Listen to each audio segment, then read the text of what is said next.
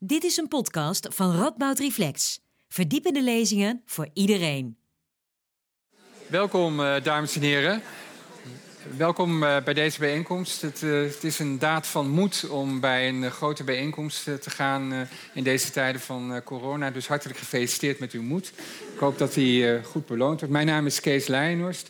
Namens Radboud Reflex, welkom bij deze avond. Um, die gaat over dyslexie. Dyslexie is een verschijnsel dat steeds vaker gediagnosticeerd wordt. Er gaat veel geld om in bureaus, in jeugdzorg en privébureaus die kinderen helpen om beter te leren lezen. Maar is dyslexie eigenlijk wel een stoornis? En zou dat geld dat naar al die jeugdzorg en bureaus gaat, niet beter geïnvesteerd kunnen worden in beter onderwijs, waar kinderen beter leren lezen? Daar gaat vanavond de lezing over. De lezing wordt gegeven door Anna Bosman. Zij is hoogleraar bij pedagogie en onderwijswetenschappen hier aan de Radboud eh, Universiteit, ehm, gespecialiseerd in effectief leren. Ze zal een lezing houden van ongeveer drie kwartier.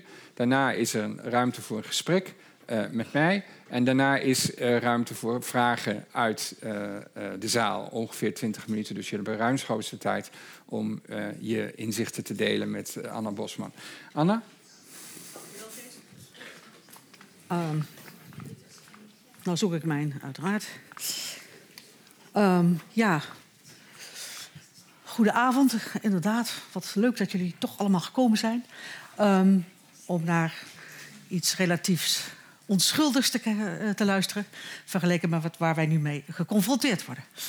Um, ja, uh, ik ben al uh, heel lang bezig met het onderwerp lezen, al vanaf mijn doctoraalstudie, waarin ik onderzoek deed naar begrijpend lezen. ik ging vervolgens in mijn promotieonderzoek onderzoek doen naar hoe gaat dat technisch lezen nou eigenlijk. En technisch lezen, dat is eigenlijk iets ja, relatief eenvoudig te definiëren. Dat is, kan ik datgene wat op papier staat, gedrukt, kan ik dat verklanken. Dat wil niet zeggen dat ik het hoef te begrijpen wat er staat, maar kan ik het omgezet, worden, omgezet krijgen in de woorden die bedoeld zijn. Um, een voorbeeld is, ik kan uitstekend decoderen in het Spaans. Ik heb de regeltjes geleerd van hoe die letters omgezet moeten worden in die klanken. En ik kan het ook zo, soms nog zo voorlezen dat mensen denken dat ik precies begrijp wat ik lees. Maar dat is heel vaak niet het geval. Dat betekent dus dat technisch lezen is weliswaar een voorwaarde om datgene wat je kunt, wat je wilt lezen, eh, te kunnen begrijpen. Maar het is niet voldoende. Je moet natuurlijk ook nog weten wat al die woorden betekenen. Nou, waar het mij, waar het met dyslexie over gaat, is in feite over dit probleem. Niet meer en niet minder ben je in staat om vlot en relatief foutloos datgene wat geschreven staat om te zetten in datgene wat bedoeld is. En niet noodzakelijk dat te begrijpen. Dat is een heel ander issue en heeft ook geen enkele, in principe geen enkele relatie daarmee. Behalve dan wat ik zei, als voorwaarde. Want als je het niet kan decoderen, dan kan je het natuurlijk ook niet begrijpen. Dat is net als met fietsen, die, uh, die metafoor gebruik ik altijd. Als je naar oma wil fietsen, moet je kunnen, technisch kunnen fietsen. Moet je in ieder geval rond het pleintje kunnen fietsen. En liefst ook met één hand, zodat je hand uit kan steken als je uh, af wil slaan. Maar in principe is dat niet genoeg om naar oma te kunnen fietsen. Want als je van naar oma moet kunnen, wil fietsen, dan zul je de weg moeten kennen. Je moet bedenken dat, dat je het verkeer goed uh, in de gaten houdt. Al dat soort zaken. Kortom, het is een noodzakelijke, toch niet voldoende voorwaarde. Nou, um, dit heeft ook te maken met de problemen met uh, geletterdheid. Dat is een veel ingewikkeldere situatie dan, uh, dan nu gesuggereerd wordt. Omdat dat een combinatie kan zijn van geen probleem hebben met technisch lezen, maar wellicht nog veel meer problemen hebben met begrijpend lezen, begrijpen wat er staat.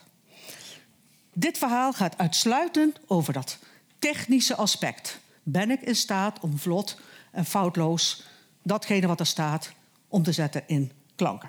Nou, ik zelf ben daar eigenlijk mijn hele uh, carrière mee bezig geweest met het onderwerp. Maar vooral, hoe leren kinderen nou eigenlijk lezen? Wat, wat gebeurt er in dat hoofd? En daar ga ik je nu mee vermoeien nou. Maar uh, uiteindelijk kwam ik bij pedagogiek terecht. En uh, kwam in de jaren, ja, zo 15, 20 jaar geleden... werd dat probleem van lezen, hè, wat we dyslexie hebben genoemd... ehm, kwam steeds pro- eh, prominenter in de aandacht. Zodanig dat in 2009 eh, de regering besloot om, eh, als je een probleem had met lezen... en die waren dusdanig van aard dat men het label dyslexie gaf... dan kon je daar vergoede zorg voor krijgen. Mijn voorspelling was toen al, dit gaat volstrekt uit de hand lopen... want de belofte was dat slechts 5% maximaal van de kinderen hieraan zou lijden. En eigenlijk was het 3,5% volgens Blomert. Maar ik zei, dat gaat volstrekt uit de hand lopen. En dat is inderdaad gebeurd. En dat is de aanleiding waarom ik daar me de laatste paar jaren wat meer mee bezig heb gehouden met precies dit probleem. Wat is er nou eigenlijk aan de hand? En dit is de aanleiding. De aanleiding is de enorm toegenomen uh, uh, afgifte van uh, diagnoses dyslexie.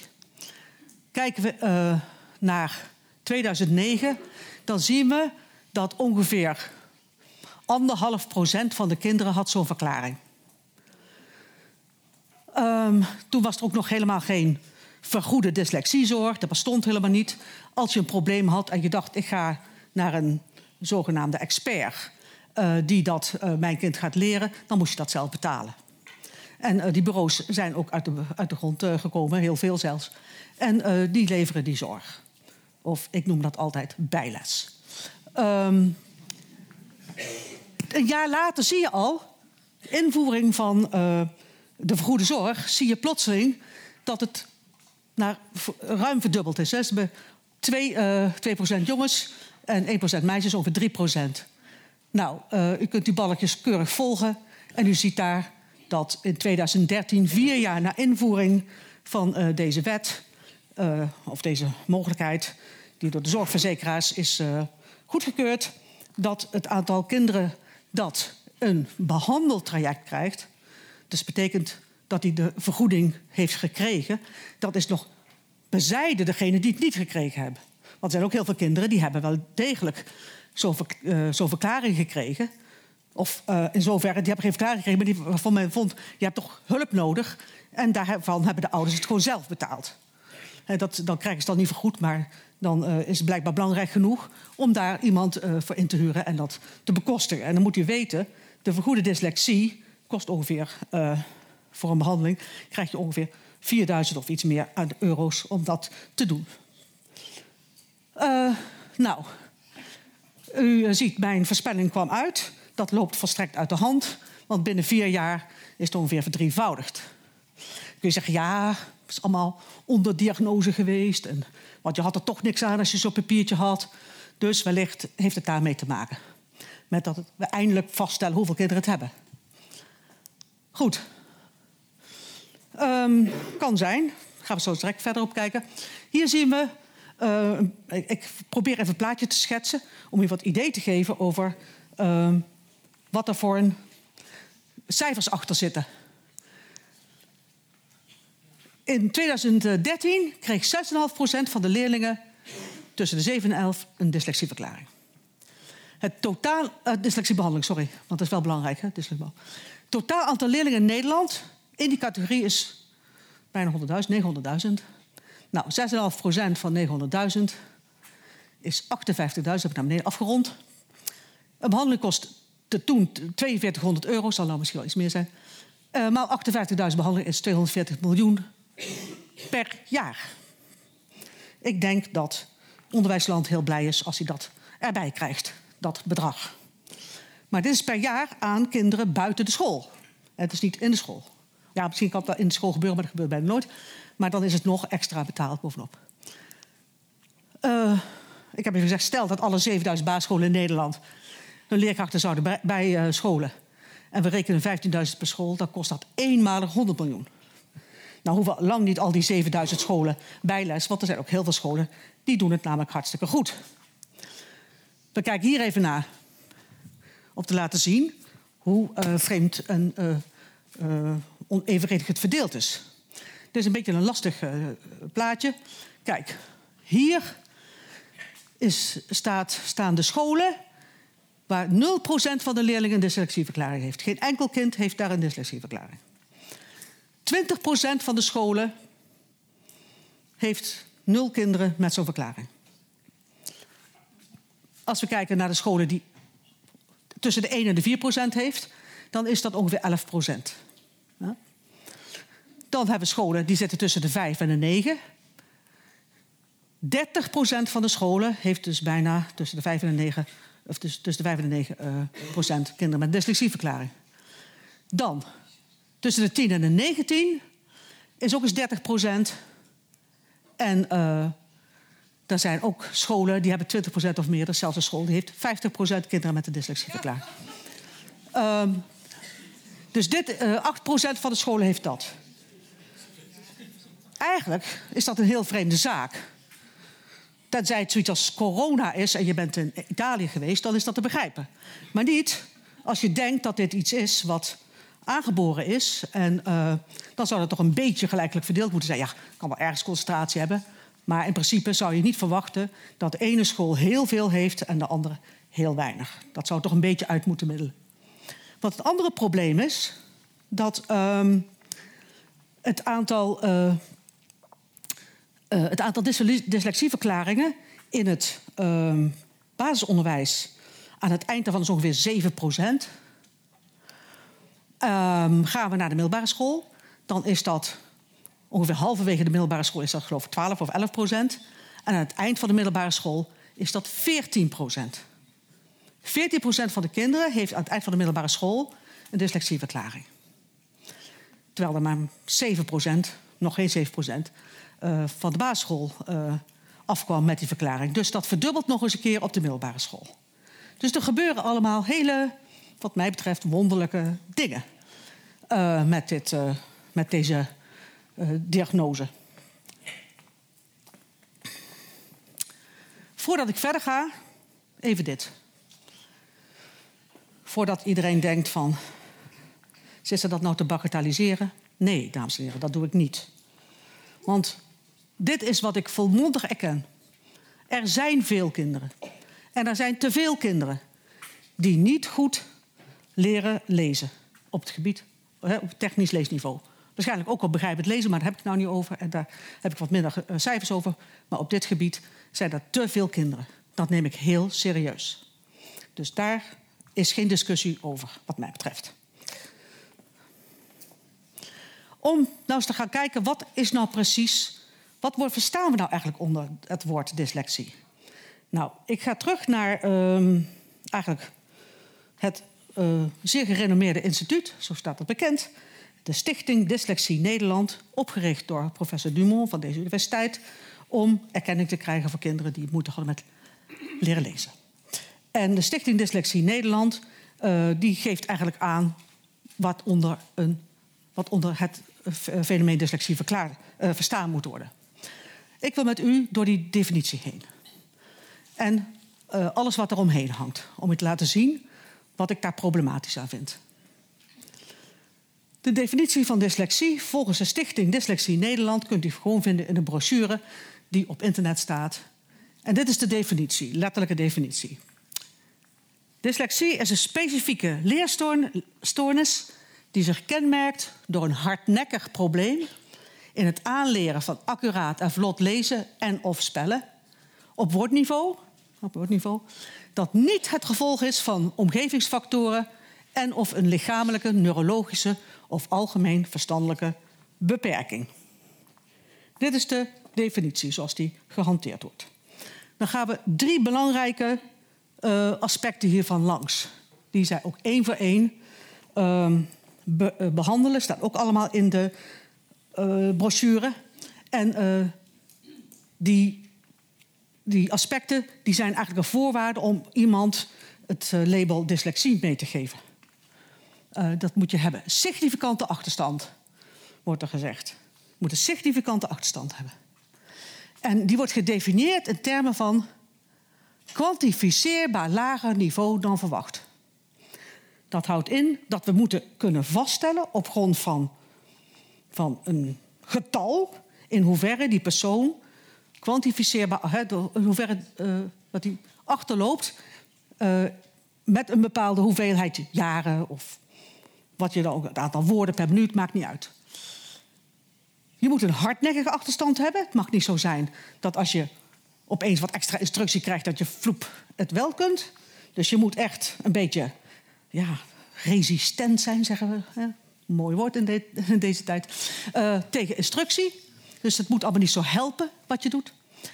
En ook heel belangrijk, er zijn factoren, die noemen we dan de exclusie, de uitsluitingsfactoren, die het lezen zouden kunnen belemmeren. En als die aanwezig zijn, dan uh, mag je ook niet spreken van dyslexie. Je moet van alle drie die voorwaarden moet voldaan zijn. Goed, wat is nou precies die significante achterstand? Significant betekent voor de mensen die nu uh, uh, die iets van statistiek weten dat p kleiner is dan 0,05. Daar gaat het even niet over. Het gaat over een zeer substantiële. Ja? Um, dus wat lastige termen deze. Goed. Dit is de definitie. Ik heb, uh, ik heb alles letterlijk overgenomen, zodat er niets geparafraseerd wordt wat verkeerd uitgelegd kan worden. Dit is wat er staat op deze pagina 9. Cliënten die tot de zwakste 10%. Kijk, hier staat het ook. Dan hoef ik niet om te kijken. Uh, cliënten die tot de zwakste 10% van hun leeftijdsgenoten behoren. Uh, als het gaat om lezen op een genormeerde test. En genormeerd betekent dat we bij honderden kinderen die test hebben afgenomen, hebben gezien: oké, okay, in groep 3 bijvoorbeeld lees je zoveel woordjes gemiddeld per minuut in januari en in juli zoveel, en in groep 4 zoveel, uh, aan het midden en zoveel aan het eind. Kan je iets bij voorstellen dat je ongeveer een soort gemiddelde hebt van dat doet ongeveer zo'n groep als je ze les hebt gegeven. Nou, en dan zitten we met de situatie dat er kinderen zijn die horen tot de 10% uh, slechts lezenden of zwakst lezenden, net je bekijken wilt. Uh, en die worden dan gezien als degene die behoren uh, tot de groep die uh, dyslexie heeft. Um, wat hier op de eerste plaats al opvalt is die 10% is eigenlijk niet de 10%. Uh, dat is eigenlijk een veel hoger aantal of percentage dan ooit door degene die het dyslexie als erkende stoornis bij de zorgverzekeraar heeft weten aan te merken, Leo Blomert, uh, gezien. Die zei nou, dat ongeveer 3,5 of 6 procent was. Nou, dat is dan al fors veel hoger dan, hè, als je 10 procent neemt. En dan krijg je dus vanzelf waarschijnlijk toch meer kinderen in die categorie. Dus die 10 procent is wat mij betreft al vreemd. Ik kan u wel verklappen waarom ik denk dat dat is. En degenen die in het onderwijs zitten, die hebben waarschijnlijk ook een idee. Dat komt, dat zijn de kinderen die destijds tot de E-groep hoorden. De kinderen die scoorden E-niveau. En E hoort, dat is gewoon hetzelfde als de 10% laag scorende. Nu hebben we 1, 2, 3, 4, 5. En 5 is de 20% laag scorende. Uh, dus die E bestaat niet meer. Vijf? Oh, sorry. Oké. Uh, nou, daar kun je nog over twisten. Maar wat is hier nou het fundamentele probleem? Kijk, dit is het uh, voor degene onder u die normale verdelingen kennen. Dit is de situatie. Stel, dit is bijvoorbeeld iets van. Dit, dit is de, de scores van kinderen uit groep 4. En uh, stel, uh, dit zijn de meeste kinderen, het gemiddelde, zit op ongeveer dat is, op een testscore van 50. bijvoorbeeld 50 woordjes per minuut. Uh, die, ze op moeten of die ze op kunnen lezen. En ongeveer zo'n, uh, wat is het, uh, 2, 25 procent van die kinderen zit daarop. Noem maar even iets. Dus dit is niet echt is gefingeerd, maar dit is wel hoe er gedacht wordt. Nou, dan zie je dat er een aantal kinderen iets sneller kunnen lezen. Dat zijn dan wat minder. En naarmate, dus, de, dat, naarmate er een hogere score wordt behaald, zie je ook minder kinderen die dat halen. Er zijn er maar heel weinig kinderen die op die leeftijd al 90 woordjes per minuut kunnen lezen. De meeste zitten rond het gemiddelde. En ook aan die kant is dat zo. En hier zie je dat 10% uh, van de kinderen die hier het slechtste scoren, dat is uh, bij leesscore 20. 20 woordjes per minuut. Begrijpt iedereen? Als u het nu niet begrijpt, moet u gewoon even aangeven. Dan leg ik het nog een keer uit of leg ik het anders uit. Begrijpt iedereen dit? Slechte vraag, wie begrijpt het niet? Hè? Dat is... maar dan durft u niks te zeggen, dat weet. Goed. Um, maar wat is hier nou het probleem? Dus deze, hier, hier zit dus de, de, wat we dan noemen de cut-off score. Hier, uh, hier bij het niet en daar bij het wel. Heeft er iemand een idee wat ik hier problematisch aan zou kunnen vinden? Ja? Zegt u maar. Als je minder dan 20 woorden kunt lezen, wil niet per se zeggen meteen. Maar we hebben dat toch afgesproken, is 10 procent.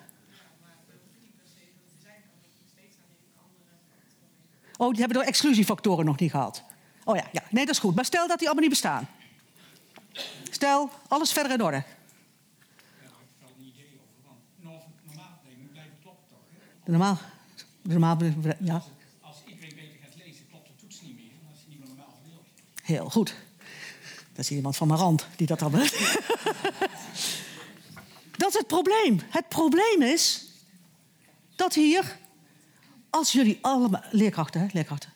Remedial teachers. Jullie gaan maar stinkende best doen. Jullie gaan al die kinderen helpen. En het niveau gaat omhoog. Yes. Wat gebeurt er? Wat zegt het CITO? En dat gebeurt echt.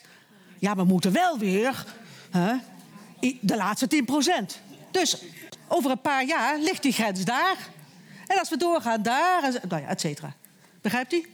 Dat is dus iets heel vreemds. Als ik naar de dokter ga, ik zeg, ik heb een akelig hoesje, ik denk dat ik longontsteking heb, dan gaat hij niet eerst kijken wat u allemaal heeft. Toch? Nee, dan heeft hij een test. En dan gaat hij naar mijn longen luisteren. En dan denkt hij, mm, ik hoor het niet helemaal goed. Gaan we een bloedtest doen? Misschien nog andere testjes? Ja, mevrouw, of nee, mevrouw. Het is gewoon een simpele verkoudheid. Of een simpele corona. Of het is inderdaad longontsteking en dan geef ik u antibiotica. Bij dit gaat dat niet. Want hier is de beslissing afhankelijk van wat een ander doet. En dat is toch iets merkwaardigs. Goed. Probleem 1. Goed. De hardnekkige achterstand. De hardnekkige achterstand. eh, dit is de definitie. Een enorm ding. Ehm, het komt er eigenlijk op neer dat je. Je stelt vast, en vaak gebeurt dat zo rond de herfst. Dat is ook een beetje ingegeven door het dyslexieprotocol. Namelijk dat je de herfstsignalering doet. De herfstsignalering betekent dat je met eh, tegen de tijd dat het herfstvakantie is, dat je dan een snotje moet hebben wie er niet zo goed presteert. Wie er mogelijk een probleem heeft. Op het gebied van lezen groep 3. Nou, dan eh, heb je dat ontdekt. Ik vind het heel schandelijk als je dat dan pas ontdekt. Dan zijn we al veel en veel te laat. Maar goed, dat is een ander verhaal. Daar wil ik ook nog een keer een lezing over geven hoe je dat moet doen. Maar eh, met de herfst kom je erachter. En dan is het zaak van de school dat die drie maanden extra instructie gaat geven. Dan moet je opnieuw testen. Lukt het nou beter? Is dat niet zo? Moet je nog eens een keer drie maanden? Dan zitten we al zes maanden verder. Eigenlijk zitten we al aan het eind van groep drie. Als het kind dan nog niet bijge, bijgeschoold is, heb je, heb je een kind met een gigantisch leesprobleem. Dus het advies klinkt natuurlijk heel aardig. Want ja, hebben ze misschien niet hun best gedaan op die school? En moeten ze dat toch maar even doen? Maar ik denk dan, als die school dat van het begin af aan al niet gelukt is, waarom zou dat dan nu wel lukken? Hebben ze dan zitten slapen met z'n allen? Goed, ik vind dat een gigantisch probleem dat we de suggestie wekken dat je, ook moet, dat je zo lang moet remediëren voordat er serieuze hulp komt. Want vaak, als het zo is dat er een probleem is, dan moet er wat gebeuren. Wat er moet gebeuren is op zich heel simpel, maar daar komen we later bij. Goed, dat remediëren is nog één ding, maar dan krijgen we ook het advies om dan een aantal eh, methodes te gebruiken. Eh, er staat een hele lange lijst in die brochure. En ehm, niet één van die methodes die daarin staat, die worden gezien als remedial teaching eh, methodes, eh, zijn ooit getest op effectiviteit. Ik heb zelf wel eens een eh, methode getest. Spelling in dit geval, op effectiviteit. Spelling in de lift heet dat. Als die niets, het enige wat die lift doet is naar beneden gaan. Want dit is een, eh, die wordt dus aanbevolen als een van de manieren om kinderen bij te spijkeren. Dames en heren, als u hem in de kast heeft staan, laat hem vooral staan. Ehm, want wat gebeurt hier? Dit is een voorbeeld. Hier moeten kinderen eh, leren welke woorden je met OU en A, eh, AU schrijft en welke met de lange ei en de korte ei. Nou, wat moeten ze hier doen? In sommige gevallen moeten er lijntjes getrokken worden van de OU naar alle woordjes daarboven. Waar een OU in staat. Eh, de AU moet naar de AU en die begrijpt het al lange ei naar lange ei en korte ei. En Daaronder moeten ze eh, invullen eh, bij S, S, puntje, puntje, S. De AU of de OU moeten ze dan kiezen. En of Nou, helaas, die saus staat er al in. Dus dit is gewoon een overschrijfoefening en een lijntjestrekoefening. En uit heel veel onderzoek weten we de enige manier om goed te leren spellen is uit je hoofd het woord opschrijven. Dat is hoe je het leert. Er zijn nog wat andere voorwaarden aan hoe je dat aanleert. Is nu, daar hebben we nu tijd voor. Maar dit is geen spellingmethode. Maar wordt wel aanbevolen als zijnde een goede methode om de kinderen te leren spellen. Dus dat is al kwalijk dat een zo gerenommeerd instituut dat aanbeveelt. Kortom, niet doen. Ehm, de exclusiefactoren komen bij de opmerking van uw vrouw. Stel nou dat je dit allemaal hebt. Je hebt een algemene verstandelijke beperking. Je bent doof of slechthorend, of je bent blind of slechtziend. Eh, of je hebt een neurologische stoornis. Ook een hele interessante. eh. nou, dan begrijp je iets meer. Ja, je snapt niet wat er gezegd wordt. Hè. Je beheerst instructietaal niet voor migrantenkinderen bijvoorbeeld. Ehm, en algemene omgevingsfactoren is een beetje vaag. Eh, maar inadequaat onderwijs is blijkbaar één van. Maar ook bijvoorbeeld de thuissituatie, waar misschien helemaal niet, waar leren eigenlijk onmogelijk gemaakt wordt vanwege eh, hoe daar thuis aan toe gaat. En dan mag u dan zelf invullen wat dat dan zou kunnen zijn. Ehm probleem hier is, eerst eh, de algemene verstandelijke beperking. Dat is een Q. Eh, in principe kleiner dan eh, 70. Als tenminste, het is eigenlijk geen goede term, want die wordt nu niet meer gehanteerd. Algemene. Je hebt een lichte, een matige en een ernstige. Ehm, maar goed, eh, we gaan even uit van een IQ kleiner dan 70. Ehm, maar er zijn best heel veel kinderen met dat IQ dat prima leren verklanken. Dat is eigenlijk niet zo'n heel probleem voor een aantal van ze. Voor een aantal wel, maar voor een aantal ook helemaal niet. Dus ehm, kun je dan zeggen dat dat een oorzaak zou kunnen zijn van eh, een leesprobleem. Doof of slechthorend, ja, dat is heel interessant. Dat is ehm, voor het verklanken best lastig. En waarom? Nou, heeft het al gehoord aan het woord verklanken.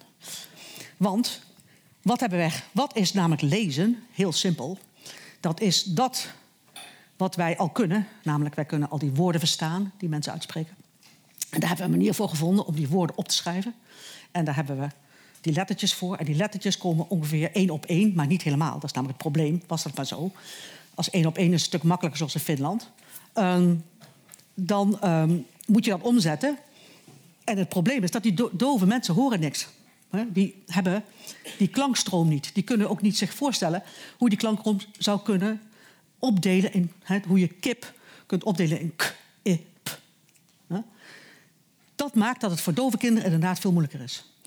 En voor blinde kinderen, grappig genoeg, is het helemaal niet zo'n probleem.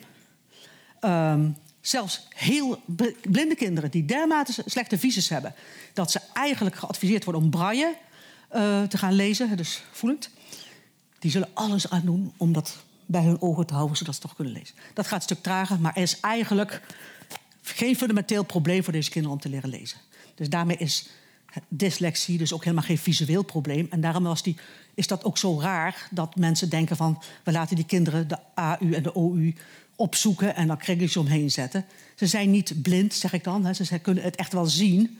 Daar gaat het niet over. Het gaat over de letterklankkom, eh, in- eh, letterklankcombinatie... en die zo snel mogelijk eh, te proberen om te zetten. Dus blindheid, geen probleem.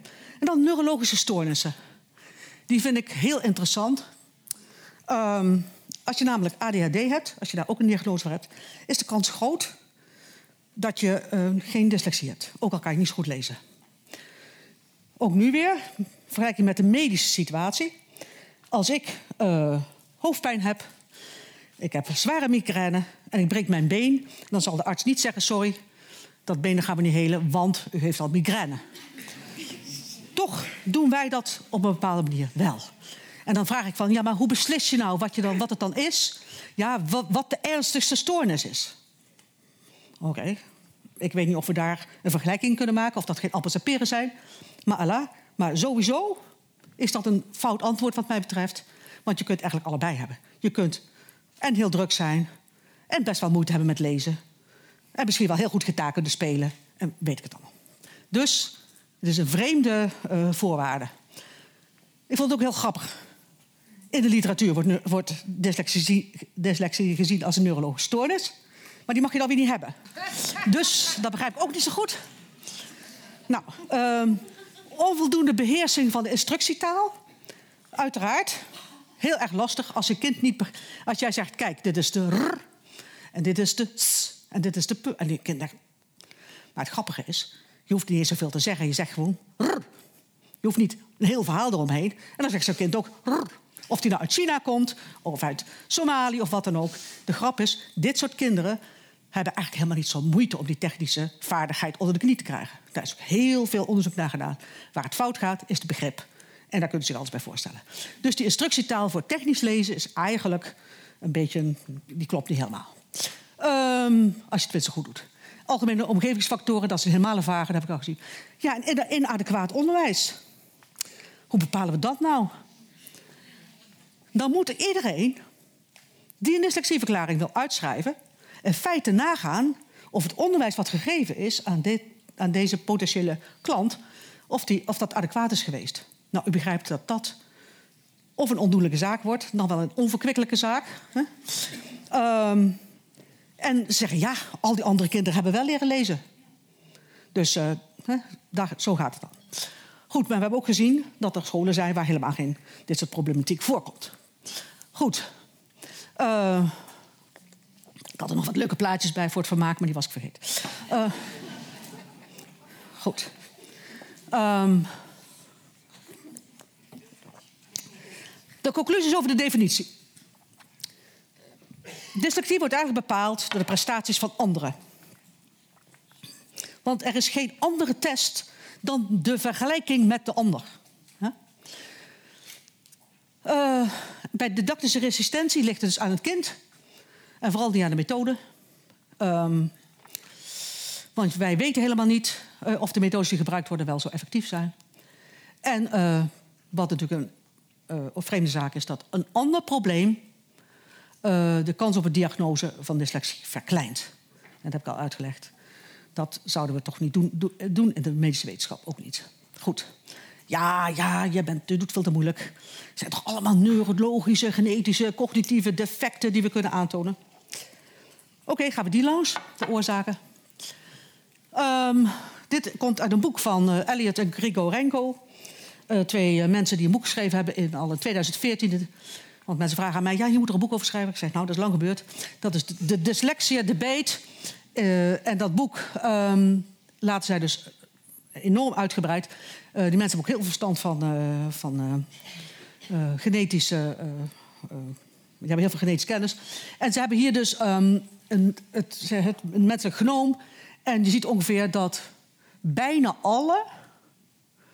Ja, op elk van die ge- heet het, chromosomen is wel een plekje gevonden... wat ooit een keertje gelieerd geweest is aan mensen... die zouden dan in de groep van dyslexie zitten. Maar als ongeveer elk gen daarvoor in aanmerking komt... dan heeft u het allemaal. Want u heeft allemaal wel ergens een zogenaamde eh, defect of iets vreemds. Dus dat gaat niet. Dat leggen zij ook heel goed uit. Dus, mm, mm, tuurlijk, alles heeft een genetische basis. Alles. Dus dat zal het leren lezen ook wel hebben. Maar of, daar, of je daar kan zeggen, kijk, dat gen veroorzaakt leesproblemen... dat is tot nog toe een heilloze eh, zoektocht geweest. Ja, maar het gaat over je hersenstructuren. Daar zit het probleem. Oké, ongeveer elk hersengebied wat we kennen... is ooit wel eens een keer geassocieerd geweest met kinderen met leesproblemen. Wat doen we dan? We hebben een groep kinderen die lezen zwak. Die leggen we in de scanner. En we hebben een groep kinderen die lezen vrij goed. Die leggen we ook in de scanner. En wat doen we dan? We middelen al die scans van al die kinderen met leesproblemen tot één scan. Dan al die kinderen zonder leesproblemen, één scan. En dan vinden we op allerlei gebieden, wel, elk onderzoek vindt er maar één natuurlijk. Maar eh ze kijk, daar zit het hem. En die zegt, nee, daar zit het hem in. Je kunt altijd wel iets vinden. Die hersenscans zijn allemaal gebaseerd op groepsgemiddelden. Dus laat u zich niet foppen als het over hersenscans gaat. Die gaat allemaal over groepsgemiddelden. Want als ik u in de scan leg, dan zou ik overtuigd zijn. Kijk, ik leg u allemaal één voor in de scan. En wat blijkt? Oké, stel dat we eens worden over een hersengebied. En dan ik kan ik u een scan leggen en zeggen: kijk, daar zit het. Daarom bent u, kunt u niet zo goed lezen. En u heeft dat niet en daarom kunt u. Niets is er. Er is voor. Ook ik bedoel, iets wat misschien nog, waar we nog van kunnen denken. Schizofrenie, hè? Dat zou ook een hersenaandoening zijn. Daar zegt Jim van Os ook van. Dat kunnen we helemaal niet aantonen. Dat heeft ongetwijfeld iets met die hersen te maken. Ongetwijfeld iets met de genen. Ongetwijfeld iets met de omgeving. Maar we kunnen niet een test doen en zeggen: we leggen jou in een scan. Kijk, daarom zie jij Jezus of weet ik wat. Of daarom heb jij wanen of daarom heb jij weet ik wat. Nee, dat gaat niet. Er zijn prachtige onderzoeken, ook hier uit de UMC, waar, we laten zien dat de scans van mensen met schizofrenie meer van elkaar afwijken hè, eh, dan ze overeenkomen met, eh, met elkaar vergeleken met mensen die eh, ge- geen schizofrenie zouden hebben. Goed, je ziet hier ook heel erg leuk, wat ik zelf. Hier, eh, min, hoe doet hij nou? Ja. minder volume van de grijze massa zou ermee te maken hebben. Deze vinden een eh, groter of kleiner volume. Ja, dan heb je altijd gelijk. Ja, ik, ik, ik schaam me ook een beetje van de stand van de wetenschap, maar goed, het. eh, En dan heb je weer de verhoogde dichtheid. Ik weet niet of dat dan hetzelfde, of dat tegenovergestelde is minder volume, want da- daar weet ik niet precies. Maar goed, maar het laat maar zien. We zijn eigenlijk daar. En ik, we hebben laatst een lezing gehad van iemand die, die gaf gewoon onderzet onmiddellijk toe. Nee, dat kan niet. Die was een hersenwetenschapper. die zei dat kunnen wij helemaal niet. Dus het is niet dat ik hier nou dat beetje belachelijk zit te maken. Het is gewoon erkend dat dat niet kan. Goed, dus die hersenen kunnen we ook niet gebruiken als verklarende zaak. Ja, maar dan hebben we natuurlijk onze vermeende cognitieve bronnen, heet dat dan, de cognitieve deficieten. Het fonologisch bewustzijn, dat is zoiets als ben je staat om het verschil te horen tussen pad en pak bijvoorbeeld. Ja, kinderen die dat niet zo goed kunnen, lopen een groter risico dat ze niet zo heel snel leren lezen. Maar het probleem is, ik ken heel veel kinderen die dat niet kunnen en hartstikke goed kunnen lezen. Ik ken heel veel kinderen die dit, eh, niet zo, eh, die dit goed kunnen en ook niet goed kunnen lezen. Dus daar kun je niet zoveel mee. Orthografisch bewustzijn, ik weet eerlijk gezegd nooit goed wat dat is. Maar heeft iets te maken met dat je weet dat er letters zijn of iets. eh. Ja, dit is, dit, is wel, dit is wel triest, want het is mijn eigen vakgebied. Maar goed. Eh, werkgeheugen. Kinderen bijvoorbeeld die niet goed eh, de dingen in hun hoofd kunnen houden. Ehm, nou, mensen, ook dat is weer een enorm probleem. Het werkgeheugen is soms wel en soms niet. staat in relatie tot lezen. Maar in de meeste gevallen is de hoeveelheid verklaring. Ja, voor degene onder u die dat snapt. De verklaarde variantie van al deze factoren stijgt niet uit boven de 9%. En dan heb ik al het maximum bereikt. 9%. Dat betekent dat alle variatie in dat leesgedrag door, alle, door dingen verklaard wordt die niet nu gezien worden als de meest belangrijke verklaringen. 90% En dan heb ik een echt, dan doe ik ze nog een dienst. Want in de meeste gevallen is het zelfs zo dat na groep, drie, eh, na groep 4 zijn al die relaties tussen deze factoren, ook eh, eh, visueel perceptueel tekort, benoemen van kleuren, letters, die relaties zijn helemaal verdwenen. Het bestaat eigenlijk, is dat niet meer. Dus het betekent dat, het gaat nog wel, nog wel even door zo. Dus we hebben van alles geprobeerd om aan te tonen dat de, dat de oorzaak kan zijn van dyslexie. Maar het probleem is, als, als het een factor van betekenis zou zijn, dan betekent het dat iedereen die een slecht werkgeheugen heeft, ook slecht zou moeten lezen. En iedereen die goed werk heeft, dat niet zou moeten doen. En zo is het gewoon niet. Dat bestaat niet. Er is geen causaliteit, geen oorzakelijkheid. Er is een vaag soort van correlatie, zoals we noemen, associatie. En dan zei ik al, die is vaak heel beperkt tot een bepaalde, bepaalde periode van het lezen. En daarna is die eigenlijk helemaal verdwenen. Dan kunnen kinderen eindeloos goed al die woordjes oppakken van st. En hè, dan kunnen ze allemaal uit hun hoofd. Maar lezen gaat nog steeds niet erg vlot. Dus dan zou dat mee moeten gaan als je dat allemaal goed kunt. Oké. Geen tekorten. Wat dan? En toen viel me echt de schoen uit.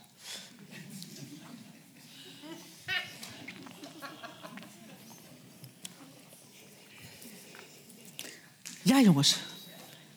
Dat betekent het eigenlijk. Niks. Dat betekent het eigenlijk dat we eigenlijk toegeven dat we het niet weten. Laten we dat dan zeggen. Oh ja. ehm. Ehm, Nou, het is, wat hier staat is de afwezigheid van een tekort. Dus er is geen tekort. Hè? Er is geen tekort. Dat toch niet noodzakelijk betekenen dat die uh, lees- en of spellingproblemen aan iets anders kunnen geweten worden dan aan het leesprobleem. Dus dat kan, je mag niet zo zeggen, ja, maar dan zal het wel de omgeving zijn. Dus het, er is geen. eh, eh, we kunnen niets aanwijzen, maar dat wil nog niet zeggen dat er geen dyslexie is. Maar we zeggen, we zeggen niet van. Ik zeg niet. We hebben dyslexie, hè? Stoornis. Ik zeg niet dat er geen leesprobleem is. Dat heb ik niet over. Het gaat erover dat wij zoeken naar een, iets wat we kunnen vaststellen. als zijnde de oorzaak van het leesprobleem. En nu wordt er gezegd: dyslexie is de oorzaak van het leesprobleem. En wat ik zeg, dyslexie is een ander woord voor het leesprobleem. Dat is wat mijn bewering is. En we hebben niks anders. En in de, eh, in de, in de wetenschap waar we proberen te zoeken naar oorzaken, wil je dat die oorzaak onafhankelijk is van het gevolg. Anders zit je hetzelfde te zeggen, dan ben je bezig met tautologieën. Hè? Maar dit was wel, dit is wel ergens. Het hoeft niet gepaard te gaan met identificeer, eh, identificeerbare tekorten. Dus in feite wordt het toegegeven. Eigenlijk kan het ook aan. Het ligt ook aan dingen die we niet, nog niet weten. Maar dan heb je altijd gelijk. Dan- dan ben je niet falsifieerbaar. En dat is in de wetenschap een belangrijk goed. Want dan kun je eigenlijk alles zeggen. Goed.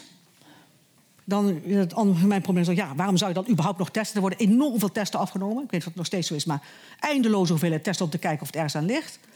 Waarom doe je dat dan nog? Want het hoeft helemaal niet daaraan te liggen. Dan kan je net zeggen, we kijken alleen maar of die bij de 10% laagste score nog wordt. Dan ben je er klaar. En dan is het snel, snel genoeg gebeurd. Ik denk overigens dat dat ook heel verstandig is. Ehm, maar goed, dat is een ander verhaal. Goed, er is, er is geen genetisch profiel. Er is geen hersenstructuur of functie die we aan kunnen eh, duiden. En er is ook wat we dan noemen geen psychometrisch eh, testprofiel. Dus eh, meer cognitieve taakjes. Eh, dus als die ontbreken, dan hebben we een probleem. Goed. Ik heb hier nu zeg maar het probleem geanalyseerd. En nu ga ik even terug naar... Hoe, waar- hoe kwamen we hier nou eigenlijk op? Op dat hele probleem van dat er een specifieke, specifieke stoornis zou zijn voor het lezen. Nou, ehm, hoe lang is dat eigenlijk al? Al heel lang. Al ruim 100 jaar. Ehm, de eerste kinderen die gedetecteerd werden, dat, waar, waar, waar men over viel, waren kinderen die waren best wel slim, zo werd er gezegd. Maar lezen konden ze niet. En eh, de eerste arts was eigenlijk al in 1872, geloof ik. Of 79. eh, Brit. En die had een jongetje. En eh, ja, hij kon eigenlijk best wel schrijven. Maar dat lezen, dat onduidelijk is. Want er wordt natuurlijk geen, geen goede beschrijving gemaakt. Maar dat dat kind dus onvoldoende kon lezen. Dat vond men vreemd.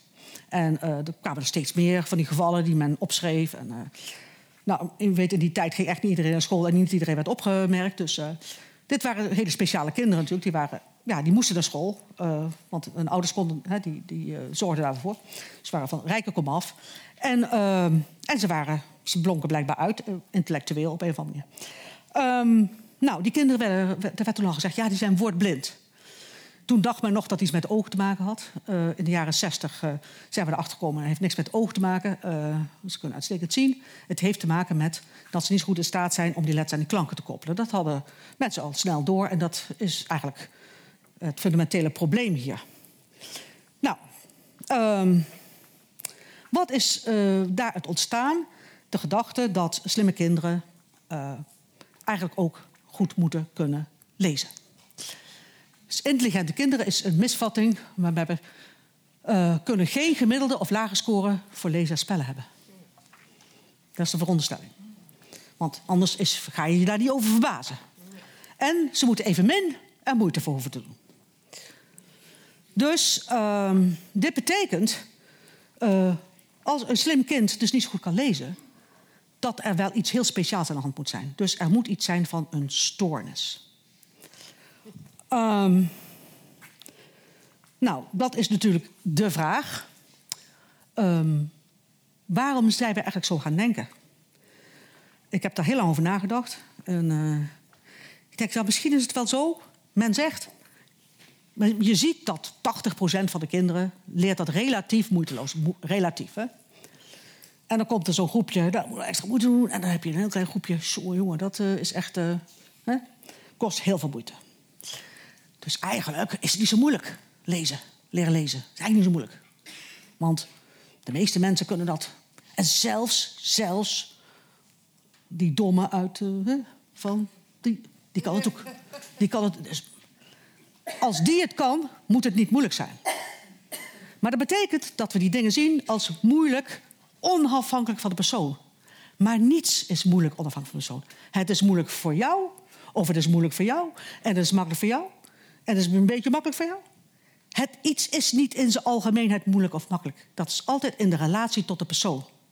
En daar is waar het volgens mij fout is gegaan. De gedachte, als de meeste mensen het kunnen en ook domme, dan moeten slimme kinderen het ook kunnen. Dus. Ja, wat is dom en wat is slim? Nou, laat, wat is dom en wat is slim? Stel, zo'n kind stelt hele intelligente vragen. Die kan uh, zelfs helemaal uitleggen hoe het zonnestelsel in elkaar zit. Maar die kan het woord zon niet lezen. He, dat klinkt dan als heel intelligent, maar heeft last met dat verklanken. Ja. Goed. Maar, dames en heren. Ik heb hier... Uh, dit is, het zijn twee mannen. Die twee mannen zijn gemeten op allerlei aspecten. Namelijk hun, hun lengte, hun gewicht, schouderbreedte, hoe lang hun armen zijn, borstomvang, lengte van de torso. Lengte. En al die dingen hebben uh, centimeters gemeten. En dan middelen we. En wat blijkt? Ze hebben dezelfde grootte. Maar u zult toch met mij eens zijn dat ze er toch heel verschillend uitzien. Hè? Kortom, hier zie je het probleem van het gemiddelde. En deze mensen hebben intern, ja, de een zit bij spreken, als je kijkt naar het, uh, het algemeen gemiddelde, hè, want dat kun je ook nog doen, dan zit de een soms heel erg aan de linkerkant en de andere aan de rechterkant. En uh, de een heeft korte armen ten opzichte van het gemiddelde en lange benen ten opzichte van het gemiddelde. Dus dat varieert. Het is niet zo dat die persoon heel erg gemiddeld is op alles. Integendeel. En dat is regel en geen uitzondering. Nou, dat is dan de lichaamsmaat. Ja. Nou, hier hebben we IQ. Twee meisjes, die hebben gemiddeld IQ van 103. Zo'n IQ-test bestaat uit een x-aantal subtesten. En hier zie je ook... Op die subtesten verschillen die kinderen in zichzelf. Ze, ze scoren heus niet op alles hoog. En ze scoren, scoren ook niet op alles laag. Ze scoren zelfs hè, op één hoog, op ander laag. En dat kan heel erg wisselen tussen die twee, maar ook binnen die persoon. Dus er is wat wij dan noemen intra-individuele variatie. En die intra-individuele variatie, die is regel. De een kan heel goed A en niet zo goed B en heel slecht C. En bij de ander is dat helemaal andersom. Uh, sommigen kunnen redelijk op allerlei dingen meekomen, maar een paar dingen ook niet. En nu gaat het hier natuurlijk om. Bij lezen vinden we dat een probleem. Maar gymnastiek als iemand heel intelligent is en die kan niet zo gymnastiek, vinden we eigenlijk wel grappig. Hè? De nerd of wat dan ook. Maar eigenlijk, als gymnastiek heel belangrijk was geweest, of zingen, dan hadden we zangstoornis gehad. En geen leesstoornis. Hadden we gymnastiekstoornis gehad. Ik, ja, dit, ik probeer het zo extreem te maken om je te laten realiseren dat sommige dingen gewoon eigenlijk heel normaal zijn. En het is vervelend als je iets niet kunt. Maar het is voor iedereen vervelend. Het is ook vervelend voor lezen, natuurlijk. Belangrijk in onze maatschappij. Dat je dat een beetje kunt. Maar het is niet zo dat, dat als je dat niet kunt, je bent zogenaamd hè, wat intelligent, hè, je kan heel slimme vragen stellen, uh, dat dat dan van een stoornis komt. Het kan gewoon zijn dat het een vaardigheid is die jij niet zo goed, die dan toevallig niet in jouw talentgebied ligt. Hier heb ik uh, nog een, studie van een student van mij. Um, waarbij zij hoogbegaafde kinderen. Hoe zit dat daar nou mee?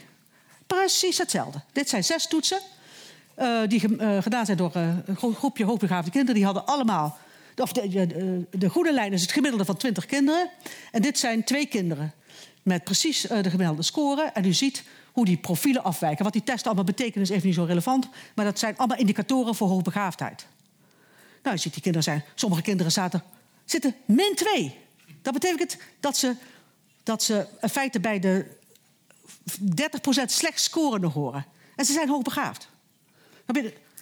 Dus in, op andere tests dan. Hè? Dus het punt is, je bent niet op alle school goed als je hoogbegaafd bent. En die, zelfs die tests die daarvoor worden gezocht, die daarvoor worden aangewezen, laten gewoon zien dat kinderen soms nou, en bijna op het niveau van zwak begaafd eh, scoren. Dat is een eh, heel erg aardig artikel waar ze allemaal eh, mensen die met een PhD, die dus dokter waren, die waren gepromoveerd, hebben ze allemaal testjes eh, laten doen. En er zaten er echt bij, die kwamen allemaal uit bij eh, eh, heet eh, gem- gemiddeld verstandelijk beperkt. Middelmatig verstandelijk beperkt. Serieus. Ja, die waren niet zo goed in het onthouden van 25 eh, losse woordjes. dacht ze, wat woord ook alweer, weet je wel? Ja, ze hadden wel een PhD gehaald. Dus ja, weet je, dat is niet zo'n hele goede... Wij zijn als psychologen niet zo goed in die testen eh, ontwikkelen daarvoor. Goed. Dan zegt hij, ja, maar je ziet toch dat als kinderen het ene goed kunnen... dat ze het andere ook goed kunnen? Ja, soms, maar soms ook niet. En eh, op school doen we wel heel veel dingen, zijn heel veel dingen best met elkaar verwant. Dus als jij niet zo goed kan lezen, dan zal dat geschiedenis ook wat lastiger gaan en dat aardrijkskunde. Ja, tuurlijk. Ehm, dit is een eh, situatie van een. eh, zoals ik het zie, een mens is een systeem waar alles met alles te maken heeft. En in sommige systemen, dat noemen we netwerken, zijn de dingen nauwelijks met elkaar verbonden. Betekent dus, als jij hier een probleem hebt, dan kan het hooguit dat infecteren, maar de rest niet. En hier heb je al iets meer verbindingen. Als daar wat misgaat, dan is dat allemaal ook misschien eh, aangetast. En als je zo'n netwerk hebt, nou dan, eh, dan eh, gaat het hier mis. Hè? Dan is het ongeluk zelden, komt zelden alleen. Of als het hier goed gaat. En bij iedereen kan dat zo zijn, zo zijn of zo zijn. En dat kan ook nog wisselen, dan kan het nog veranderen. Kortom, er zijn zoveel redenen om aan te nemen dat die zaken in de ene situatie wel met elkaar samenhangt, in de andere situatie niet met elkaar samenhangt. En dat uit al die onderzoeken daarom zo'n warrig beeld tevoorschijn komt. Goed. Maar gaat u nu naar huis gaan zonder u hoop te geven? Want, het eerste plaats. Al die kinderen die dan aangemeld worden, die gaan dan naar een eh, bureau. En daar worden eh, soms spectaculaire resultaten eh, bereikt. Kijk hier. Voor, eh, voor de behandeling had 23% van de kinderen die daar binnenkwam... had een voldoende score op de EMT. De EMT is een, het heet de 1-minuut-test. Eh, en dan moet je snel mogelijk eh, woordjes lezen in één minuut. Nou, 23% van de kinderen had een voldoende niveau. Kun je zeggen, waarom gaan ze dan naar een instituut als dat voldoende is? Maar goed, de klepel, dat is een woordtest voor onzinwoorden. Dus dan moet je onzinwoorden lezen. 30% dat is altijd, altijd, dan zie je wel dat het wat hoger is over het algemeen. En eh 13% van de kinderen had een fatsoenlijk spellingniveau. Dan gaan we oefenen en moet u eens kijken. Een jaar later had 62% van de kinderen verliet het, eh, de, de training of de behandeling eh, met een voldoende niveau. Op, die, op de EMT, op de woordenleestest, 72% Op de klepel, dat is spectaculair, want meestal is dat veel moeilijker om dat goed te lezen. Want bij echte woorden heb je nog een beetje de hulp van het betekent wat. Bij onzinwoorden heb je dat natuurlijk niet. En spelling is helemaal geweldig. Kijk eens. Dat zie je overigens in al die onderzoeken. Ik heb zelf aan heel veel onderzoek meegedaan. Spelling is de meest ja, uh, uh, dankbare uh, vaardigheid om te oefenen. Dat gaat bijna altijd vooruit. En weet je waarom? Omdat deze instituten heel goed weten hoe dat moet. Die hebben, die hebben precies de juiste aanpak. En die aanpak die werkt gewoon. Maar je kunt zich wel voorstellen dat als ik dit zie, dat ik dan wel denk... hoe kan het nou zijn dat die kinderen dat in 40 weken één keer in de week... uiteraard, ze moeten thuis dan ook wat oefenen... dat ze het dan opeens bijgespijkerd krijgen... en op school lukt dat niet, terwijl we de hele dag mee bezig zijn. Dat betekent dus dat er op school iets niet goed gaat. Dat, die kind, dat er op school anders onderwijs gegeven moet worden. Anders kan je dit niet bereiken. Zeker niet uh, in zo'n korte tijd. Nou, ik heb hier zelf ook nog een, die ga laat ik even zien. Uh, ook hier een ander onderwerp, uh, ander uh, instituut, die dat ook taalhulp, die ook enorme hoeveelheid kinderen bij het spellen. 75% van de kinderen haalt de achterstand in. Is niet zo dat ze iets beter doen, ze halen de achterstand in. En dat is wat. Goed, dan zeggen, ja, ja, maar die kinderen hebben toch een probleem gehad. Ja, ja, fijn dat het opgelost is. Is dat nou nodig? Nee, dat is niet nodig. Dit is een uh, onderzoek wat ik jaren geleden gedaan heb. En uh, ik ben daar toen mee op tour gegaan. Uh, langs heel veel uh, schoolbesturen. En in het onderzoek werden drie, waren drie scholen betrokken... van speciaal basisonderwijs. En die, scholen die deden mee. Die groene en die rode lijn, dat, was de scholen, dat waren de scholen die niet de methode zo leren kinderen lezen en spellen deed. Die, die ze deden alle drie veilig leren lezen. Dat, dat, was vergelijkbaar. Ze hadden dezelfde volgorde van woordjes en dat allemaal. Alleen uh, die school, die blauwe lijn, die deed dat op een speciale manier, namelijk met de methodiek zo leren kinderen lezen en spellen. Nou, u ziet aan het begin in september, de eerste week, blijkt dat er geen enkel verschil is tussen die prestaties van die kinderen op een leestoets. Ze konden bijna niks lezen en dan begrijp je ook, want het is begin van groep 3. Ja? Uh, maar je moet het hard zijn als onderzoeker. Je moet het goed vaststellen. Kunnen ze wel? Uh, ik kom in november terug en we gaan die kinderen opnieuw toetsen. En je ziet een klein verschilletje. Ik dacht nog, oeps, gaat dat wel goed? Ja hoor, kijk eens, maart. En in juni lezen deze kinderen drie keer zo goed als de kinderen die niet via deze methodiek. Er, was één kind met een, uh, die het cohort uh, van 10% hoorde. Maar dat kind was ook weer driekwart van de tijd niet naar school gegaan. Dus, maar die hebben er gewoon ingelaten. Als ik die niet ingelaten had, was het toch veel spectaculairder geweest. Maar ik dacht, ik ga geen uh, bias veroorzaken. Kortom, u ziet, spectaculair resultaat. Dus deze kinderen kunnen dat fantastisch. En het niveau is op het niveau van de kinderen van het regulier onderwijs. Spelling. De blauwe zijn weer, is weer de school die de methodiek heeft gedaan. U ziet, dit is in maart. Dit is de M1, dat is de relatief makkelijkste spellingtest. Dit is de wat moeilijker. En dit is de moeilijkste. U ziet hier ongeveer 90, 95% goed gespeld. Hier uh, 80% goed gespeld. En hier ook 80% goed gespeld. Dan zeg je, zoveel verschil is dat toch niet. Maar kijk eens hoe deze, als het wat moeilijker wordt, houden ze het helemaal niet meer bij. Deze kinderen kunnen eigenlijk niet meer spellen hier. En deze kinderen kunnen dat nog steeds op die moeilijkste woorden. Ja? Of die kunnen dat ook op die moeilijke woorden. Eind juni, kijk ook hier, ze kunnen eigenlijk heel veel woorden spellen. En bij deze scholen is dat helemaal mis. En die kinderen kunnen eigenlijk nauwelijks uh, woordjes spellen. Kortom, ook bij spelling, speciaal basisonderwijs. Deze kinderen konden beter spellen, gemiddeld genomen, op die uh, school dan kinderen het regulier onderwijs. Um, goed. Ja, speciaal basisonderwijs, valt wat te halen. Nou, er valt ook op het reguliere onderwijs wat te halen. Hier is een school. In 2002, 2003 hebben ze de hulp ingeroepen van uh, uh, uh, mevrouw Schaven. Die is daar gekomen en die heeft de methodiek helpen invoeren. En u ziet ongeveer 50% van de kinderen zat onder het niveau. He, dus je wilt dit oké, maar je wilt liever niet dat, dat ze daar zitten. Je hebt liever dat ze daar zitten. Uh, 6% dat zat in, het, zat in D-niveau. Je voert het in en wat zien we? Geen, geen kinderen meer in, het, dit niveau. En eigenlijk zit alles op het niveau wat je wilt hebben. Maar dit is, dit is de beste natuurlijk. Dat is dus een toevallige klas. Waar iedereen in het beste niveau zat. Dat kan gebeuren. Je zegt, ja, maar dat is toch, dat, dat, dat is toch abnormaal? Nee, elke mogelijkheid kan zich voordoen. En in dit geval is dat, was dat het geval. En hier zie je nog één keer één kind was dat. Maar ik kan je hele dingen laten zien, uh, bladzijden vol, dat hier bijna, bijna geen kinderen in zitten. Eigenlijk zelden. En dat alles daar zit en het meeste zit op A- of B-niveau, boven het gemiddelde. Um, hier heb je nog zo'n plaatje. Dit is uh, einde groep 4. Zie je het ook. Die, er moeten onder nullen staan. Goed. Oh, uh, wat ik wilde laten weten is dat er is dus heel veel hoop. Namelijk door goed onderwijs te geven. Dan kunnen de meeste kinderen dit zonder problemen leren. En er zijn altijd kinderen bij waar je extra je best moet doen. Maar je moet je niet wachten tot de hersensignalering. Dit is allemaal alleen even voor de, de preek voor de, voor de leerkrachten. niet wachten tot de hersensignalering. De eerste week moet jij precies weten wie welke letter nog niet weet. Te lezen en te spellen en op te schrijven. Als je dat niet weet, loop je achter. Want in, bij de hersensignalering ben je veel en veel te laat om dat nog bij te spijkeren. En daarom is het zo belangrijk dat het onderwijs op peil is. En dat, dat, dat het binnen het onderwijs bepaal, uh, uh, aandacht wordt geschonken aan de eerste fase van het, lezen, van het lezen. Als we daar onze aandacht aan geven, dan betekent dat we da daarna niet hoeven te remediëren.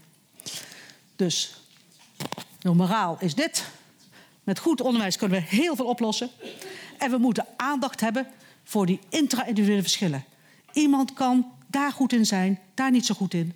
En het is niet raar dat een kind dat heel erg cognitief slim oogt... en misschien ook hè, wat, wat, dat ook mag wezen, maar in ieder geval... maar van, ah, die kan ook heel snel rekenen. Maar ja, dat lezen, dat is niet zo best. Dat is helemaal niet raar als je bedenkt dat wij allemaal dingen hebben die we makkelijk vinden en die we moeilijk vinden.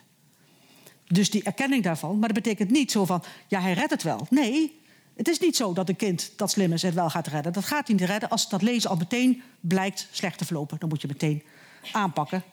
Maar een stoornis, dat vraag ik me af. Want dan moet je wel degelijk, wel degelijk een test hebben die de bokken van de schapen kan scheiden. In dit geval de bokken, degene met zogenaamd een echte stoornis... en degene die het alleen maar dom zijn en niet kunnen of geen talent hebben. Want het is, als je niet zo goed kan lezen, als dat moeite kost... heb je er blijkbaar niet zo talent voor. Dat kan. Maar dat is niet, betekent niet dat het een stoornis is. En ik denk dat ik het hierbij laat. Dank u.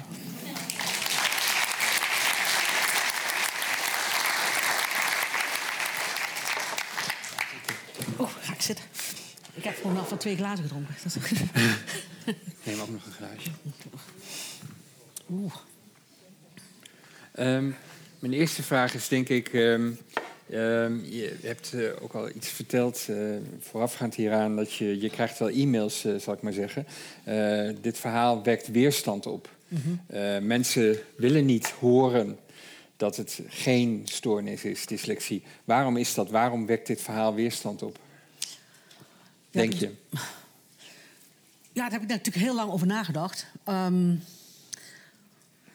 ik denk dat een belangrijke reden is, als het een stoornis is, dan kun je er niks aan doen.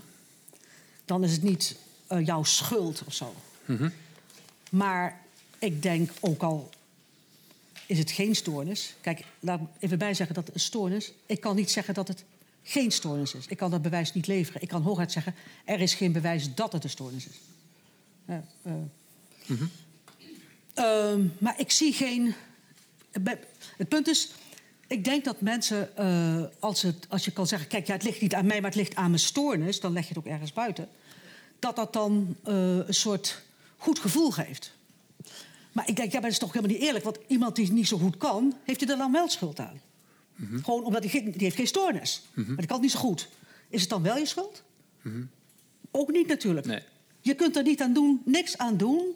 Dat je bent wie je bent, dat degene hebt die, degene die je hebt. Dat je de ouders hebt die je hebt, dat je de omgeving hebt die je hebt. En het enige wat je kan doen, je best. En als dat meer moeite kost, dan ligt dat niet aan jou. Dat ligt aan het feit dat je daar blijkbaar minder talent voor hebt dan, heeft, eh, voor hebt dan een ander. Dat is niemands schuld, dat is een gegeven. En een stoornis gaat het ook niet oplossen. Dus ik begrijp daarom dat niet zo goed. Maar ik begrijp misschien wel, wij hebben als maatschappij daar natuurlijk een soort. Dat label, dat is een soort. eh, ja, dat hoor je ook. Oh, Opluchting, oh gelukkig, het is dyslexie. Maar al die mensen, bij, waar- gelukkig, het is geen dyslexie. ehm, hebben, die dan, hebben die dan wel een soort. mm, Ja, moeten die zichzelf iets verwijten? Ik denk dat dat niet eerlijk is. Je noemde net het maatschappelijke punt ook. Eh, we investeren maatschappelijk enorm hier in deze stoornis, zeg maar. Ja. Ehm, wa- waarom doen we dat dan? Dus eh, we, we kunnen het hebben over de weerstand tegen... waar- waarom, als je het aan de orde stelt... waarom, het, een, waarom het label geen, geen stoornis is. Maar waarom investeren we maatschappelijk zo enorm hierin? Nou, voor een belangrijk deel, en dat ga ik toch, eh, steek ik dan toch mijn hand in eigen boezem, is dat wetenschappers eh, de mensen de wijs gemaakt hebben dat ze dat onderscheid konden maken, terwijl we dat niet kunnen. Dus ik denk dat het voor een belangrijk deel ligt aan de wetenschap. Dat de wetenschap een soort suggestie heeft gewerkt. Nou ja, sorry, ze, ze zeggen gewoon het is een stoornis. Daar staat ook overal, he suffers from dyslexia. Hij lijdt aan dyslexie. Dat staat overal. Als het over ziekte is. En eh, ja, eh, de wetenschap heeft ook het, de politiek overtuigd dat wij dat konden. Dat verschil konden maken tussen mensen die het wel hadden en niet hadden. En nu blijkt langzamerhand dat dat een beetje, eh, ja, een beetje moeilijk wordt. Zijn hier ook economische belangen mee geboeid? Je had het over al die bureaus. Ja, die bureaus, ja, ja, natuurlijk. Dat is, sinds we dat natuurlijk vergoed hebben, is, zit daar een enorme industrie achter. Dat is een verdienmodel.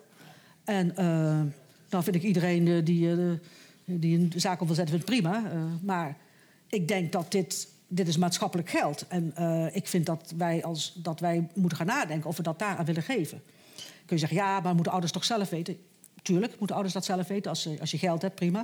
Maar het gaat mij dan ook vooral om de kinderen die ouders hebben die dat niet kunnen betalen. En daar heb ik nog niet bij verteld. Maar bijna 80 tot 85 procent van de kinderen met een dyslexieverklaring komt uit hogere sociale milieus.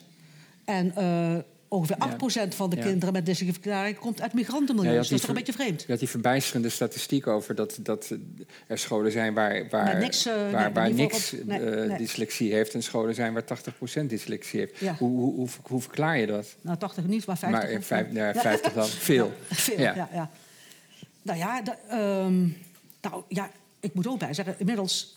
Dat was misschien voordat dit aan de hand is. Maar er zijn nu ook scholen die gewoon een soort spreekuur hebben. Dan, komen die, dan komt zo'n bureau naar binnen en die eh, kun je gratis laten testen. En dan vinden ze vaak wel wat. En dan kun je regelen dat het geremedieerd wordt. Dus daar zit, daar zit... Ja, kijk, ik denk dat het gewoon uit de hand gelopen is... doordat de politiek gezwicht is voor de vraag om dat te vergoeden. Waardoor het een hele vlucht heeft genomen. En jouw punt is eigenlijk, laten dat geld gewoon stoppen in Ja. bijscholen van leerkrachten. Ja. eh, goede methodes voor lezen geven. Zodat het op die scholen Juist. kan gebeuren en niet inderdaad met die bureaus. Dat is, dat is, is, mijn, dat je punt? Mhm. Dat is mijn pleit. Ja, sterk. Want het is echt niet leuk als je uiteindelijk blijkt dat je aan het eind van groep drie een zeer beroerd leesniveau hebt. Want nogmaals, dat ontken ik van, van geen kanten. Nee, het is absoluut waar dat er veel te veel kinderen zijn die dat, die dat, niveau, dat technische niet kunnen, niet beheersen. Dus het is al triest genoeg dat ze dan. dat dat het geval is. Dat betekent dat ze op allerlei dingen achter kunnen gaan lopen. Ze moeten uit de klas gehaald worden. Eh, er, moet speciaal, er moet speciaal naar een bureau toe. Dat is dus geen goede zaak. Dus ik heb het liefste dat het probleem voorkomen wordt... door ervoor te zorgen dat vanaf meet af aan goed lesgegeven wordt... waardoor eigenlijk vrijwel iedereen leert lezen. En de Wa- een wat langzamer dan de ander. Waarom is dit zo'n probleem? Waarom is, want je had het ook over, je kunt ook slecht zijn in gymnastiek. En dat, dat wordt eigenlijk wel leuk gevonden. eh, Zeker als je ook heel intelligent eh, eh, bent. eh, onhandige professor, bij wijze van spreken, al Ja. heel jong. Maar waarom vinden we dat leren lezen zo, zo belangrijk? Waarom is, dat nou, waarom is de focus zo erg op dat probleem?